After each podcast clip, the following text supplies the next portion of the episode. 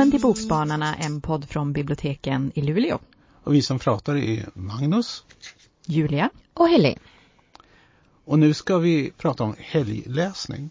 Ja, vad ska man läsa på storhelger? Eh, det är som, som är speciellt för jul, det är ju att det har uppstått massa sådana här undergenrer. Alltså det finns sådana här julfilgod och så framförallt så finns det juldeckare. Mm. Och då är det liksom inte bara att de ska säljas under jul utan läsas under jul utan de handlar om jul. Men det här med julböcker det ligger kvar alltså säkert för hundra år sedan när jag började på biblioteket, då talade vi om, åh det här var en sån här julbok. Och med det mm. menade vi en sån här bok, ni vet, när man fullständigt sjunker in i en bok som varar länge, man kan ligga till tre på natten och läsa, för så bra är den. Det kallade vi julböcker. Mm -hmm. mm. Eh, jag har nog mer kört med det här med juldeckare. Jag har börjat eh, seriekonsumera. Jag är inne på min tredje juldeckare på raken. Och en juldeckare, det är ju då en deckare där folk dör i samband med jul och det ska finnas en koppling till jul. Den mest bisarra som jag har läst, som faktiskt biblioteket inte har, men som jag gärna skulle köpa in om någon önskar den. Den heter Jullog Murders. Och jullog, det är en liten kaka som är formad som en julstock. Mm -hmm. Och en julstock, det är någon sån där brittisk tradition att man på vintern när, man, när det var kallt att gå ut tog man in ett träd som man körde in i brasan.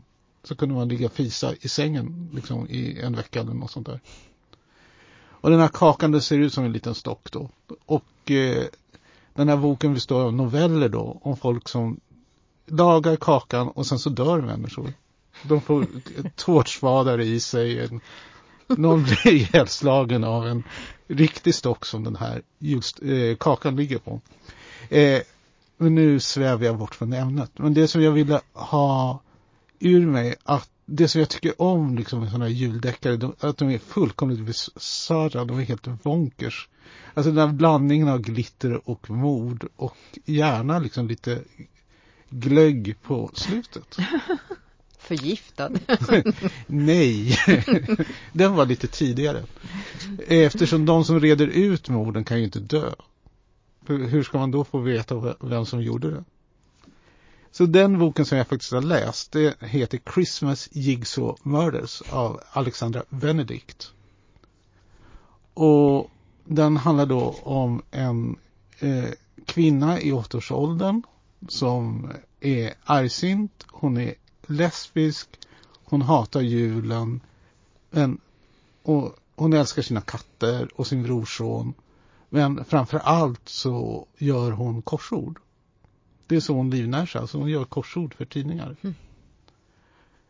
Och eh, hon har ett ganska sådär vrokigt förflutet. Det finns mycket oupprätt där. Och det är ju liksom tur, för om det inte hade varit så, då hade det inte blivit mycket till deckare.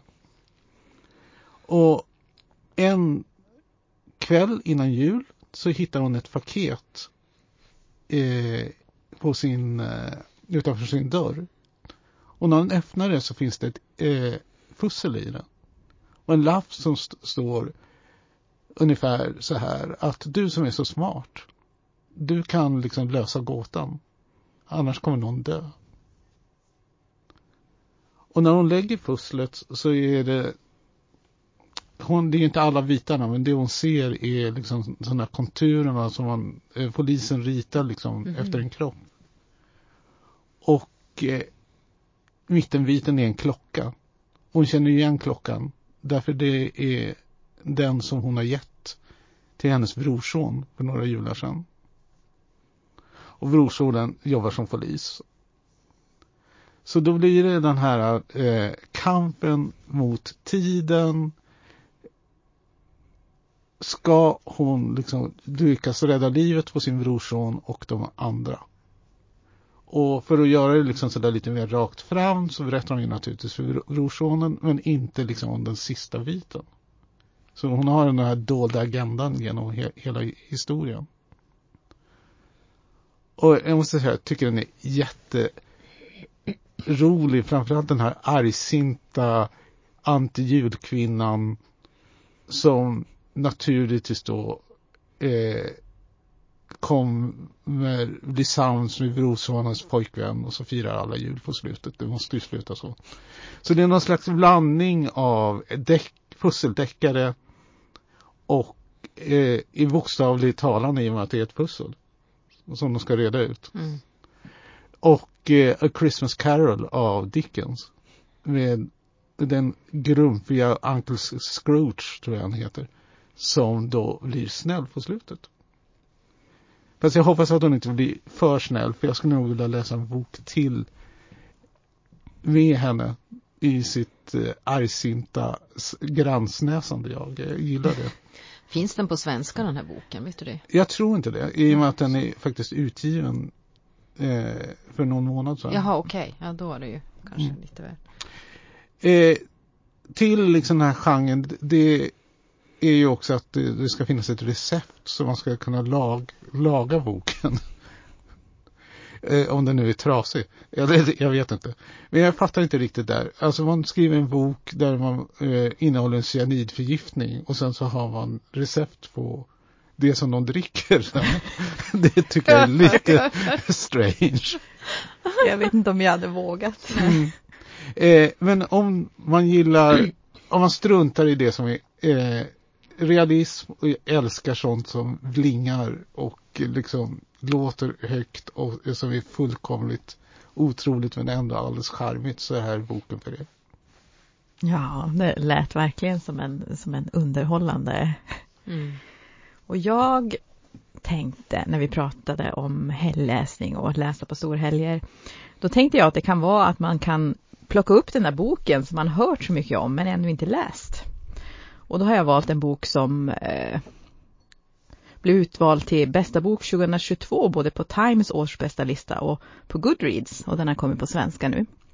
Och den heter Imorgon och imorgon och imorgon av Gabrielle Sevin och den är översatt från engelskan av Niklas Nilsson. Eh, så det är ingen jul i den här, tragiskt nog. Men eh, och den, det handlar ju om vänskap, eh, om kärlek. Men det är ingen sån här klassisk kärleksroman. Det handlar mycket om arbete också i den. Så jag vet inte om man kan kalla det typ en arbetsroman. För det, den kretsar kring vännerna Sam och Sadie och deras kreativa partnerskap i dataspelsindustrin. Så att eh, Sam han är eh, korean-amerikan, arbetarklass och har en fysisk funktionsnedsättning. Och han beundrar och avundas då Sadie, hennes välbeställda bakgrund och en barndom fri från trauma. Sadie i sin tur misstänker att Sam utnyttjar hennes kontakter i branschen och är rädd för att inte få beröm för sitt arbete eftersom för hon är ju, kvinna i spelindustrin får oftast inte mycket liksom, eloge. Och trots allt detta är deras kreativa, personliga och professionella partnerskap något som består genom åren. Och de träffas på ett sjukhus i slutet på 80-talet som barn. Sam hade förlorat sin mamma i olyckan som svårt skadade hans fot och Sadie var där för sin sjuka syster. Så de hade båda ett intresse för spel så då slutade med att de spelade Nintendo ihop. Eh, Mario, Super Mario. Men eh, de tappar kontakten då efter några månader på grund av vad då Sam ser som ett svek från Sadies sida. Men de träffas på nytt när de båda går på college.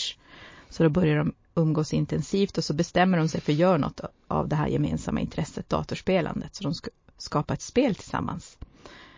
Eh, och Sadie då som håller på att utbilda sig inom datavetenskap, eh, hon står för programmerandet. Och då tillbringar de en hel sommar med utvecklingen av det här spelet med hjälp av då Sams vän och rumskompis Marks som blir producent. Ehm. Och vi får följa då Sam och Sadie genom åren med professionella framgångar, för det blir ju ett framgång det här spelet. Personliga motgångar och innersta känslor och drömmar. Och det är ju lite som typ av en utvecklingsroman kan man ju säga. Eh, gränser mellan vänskap och sexuell attraktion är suddiga. Alltså det är komplexa, komplexa karaktärer och relationen förändras genom året. Men eh, som de kommer fram till här är att livet är ju inte som ett dataspel där du har förmågan att bara starta om från början om du misslyckas eller dör. Även om då man ska kunna önska det. Så att det, det är ju mycket, det handlar ju mycket om, om eh, deras arbete för det är lite grann och det som deras liv kretsar kring. De är båda så passionerade med vad de gör. Men man behöver inte vara rädd, alltså det handlar ju inte det är klart dataspel är väldigt närvarande i boken eftersom det är det de jobbar med och driver för och det är det deras partnerskap liksom kretsar kring. Men, men man behöver inte ha, jag har inget, inget stort intresse för dataspel men jag tyckte ändå jag fick jättemycket ut av, av den här boken och, och deras, deras eh, relation. Eh, eh, alltså det är liksom en relation om ett kreativt partnerskap.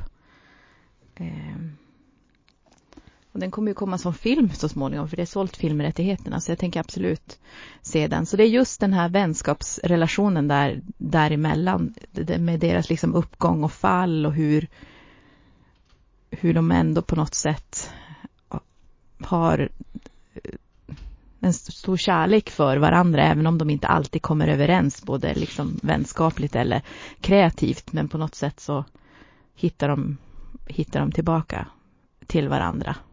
Så det är absolut en kärleksroman men då inte en sån här klassisk eh, där de blir liksom ihop. Eller hur man ska säga. Att det lyckliga är att de gifter sig på slutet utan det är det här eh, kreativa partnerskapet som är grejen. Så jag, jag, jag förstår att många eh, uppskattade och gillar den här för det är väldigt bra driv i skri, skrivandet av den här boken och alltså berättelsen har väldigt bra driv och sådär. Och det är inte ofta man läser en, en roman som är, har sånt fokus också eh, på arbetet och man får följa liksom en, vet jag hur man ska uttrycka det, en, en bransch på uppgång innan det liksom helt, när kanske folk som programmerade i sina liksom garage eller sovrum hade en möjlighet att faktiskt skapa en produkt som kunde bli så stor. För nu är ju allting så komplicerat, känns det som alltså det krävs mycket mer så jag tror att det är svårare att hitta på någonting hemma i sovrummet som det gick tidigare. liksom för, för 20, för 20, för 20, 30 år sedan vad gäller dataspel. Sådär. Alltså dataspel. Ja, dataspel är det vi pratar om. eh, så, jag tycker man absolut man kan läsa imorgon och imorgon och imorgon av Gabriel Sevin även om man inte har ett stort intresse av dataspel. Ja, ja, och från dataspel till hotell på 1900-talet. Eh, den här boken eh, baserar sig på verkliga händelser eh, och person, en verklig person. Eh, författaren Ruth Kvarnström Jones har nämligen fått tillgång till Grand Hotels eh, arkiv och där har hon rådat omkring och hittat en eh, kvinna som heter Wilhelmina Skog. Eh, och boken den heter De fenomenala fruntimren på Grand Hotel. Och den här får man lite Fru Friman-vibbar av. Om ni kommer ihåg den serien som gick en jul faktiskt tror jag den gick. Gjorde den inte det? Gjordes inte den i flera säsonger? Jo, jag tror det till och med. Och det, det starka sådana vibbar får jag. Och det är väldigt mycket skulle jag vilja påstå, kvinnornas historia i hotellvärlden just på det här hotellet. Och eh, Wilhelmina Skog hon, eh, hon har ju som sagt då, oj vad bläddrar, eh, funnits på riktigt. Hon levde mellan 1850 och 1926 och hon ägde flera hotell efter järnvägen och eh, när det gick knackigt för Grand Hotel så började styrelsen leta efter en chef som kanske skulle kunna få Grand Hotel på fötter igen. Så i början på 1900-talet då blev eh, Wilhelmina Skog erbjuden chefstjänsten på Grand Hotel och tackade ja. Och hon var en, eh, en chef som styrde allt med järnhand men hon hade ett väldigt varmt hjärta, tog väl hand om sin personal. Och även om boken utspelar sig mycket på Grand Hotel så är det ju också eh, alla de här som jobbar där som man får följa. Så det är ju inte bara lyx och flärd utan det är ju det här med fattigdom och råttor på gatorna och Stockholms utveckling. Bland annat så eh, denna Wilhelmina Skog, hon, hon ville ju bygga om och, och, det kostar ju pengar och de var lite så här nervösa och i början lite motsträviga men bland annat så såg hon ju till att annexet till Grand Hotel, Grand Hotel Royal med vinterträdgården uppfördes och på sin tid så var det faktiskt så att den var tidens mest storslagna festlokal i Europa. Och Eh, hon bland annat så kom hon på att man kunde ju dryga ut de här portionerna i restaurangen, kötten, med grönsaker och det var väl inte heller jättepoppis men hon fick igenom det och det blev, blev ju bra. Eh, och eh, här kommer också Ottilia från Rättvik, en av Vilhelminas hotell som hon hade. Så hon bad Ottilia, en väldigt ung kvinna, att komma och jobba hos henne på Grand Hotel. Och Ottilia hon var ju så lycklig att få komma in till Stockholm från Rättvik. Och det är mycket som händer på det här hotellet. Man får följa både gäster och, och de som jobbar där. Och det är verkligen en sån här bok att försjunka i. Så man vill, man vill inte sluta läsa när man har börjat. Eh, den är ju inte den är inte en eh, klassisk feelgood men man åker liksom upp och ner. Det är både glädje och sorg och, och lycka. Och framförallt just det här när man vet att mycket av det här är ju faktiskt sånt som hänt på riktigt. Mycket bra skriven. En, en eh, inte så tunn bok om man säger så. Men det är det man vill ha tycker jag. När det är helg. Då vill man, är det något som är bra vill man ju som att det ska hålla länge. Man får ligga där till tre på natten och bara, mm, vad mysigt, gå och ta upp en, gå och ta sig en skinkmacka klockan ett och sen fortsätta att läsa. Det är ju liksom det bästa när man vet att man inte behöver stiga upp så tidigt. Så Rut Kvarnström Jones, de fenomenala fruntimren på Grand Hotel. Och jag skulle inte bli förvånad om det här blir en, en serie eller någonting faktiskt. Mm. Och eh, jag känner ju att vad jag önskar mig för jul, det är ju en svensk juldeckare. En sån där med risgrynsgröt och en exploderande vandel i. exploderande. Förhoppningsvis så är det någonting som kan Skriven, vet jag. Ja, vi får se. Till nästa jul kanske. Ja, bra. Eh, och till det här avsnittet så har jag läst Christmas Jigsaw Murders av Alexandra Benedict. Och jag tipsar om Imorgon och imorgon och imorgon av Gabriel Sevin. Och jag tipsade om Rut Kvarnström Jones De fenomenala fruntimren på Grand Hotel. Mm. Ja, trevlig läsning. Ja. Hej hej. Hej hej.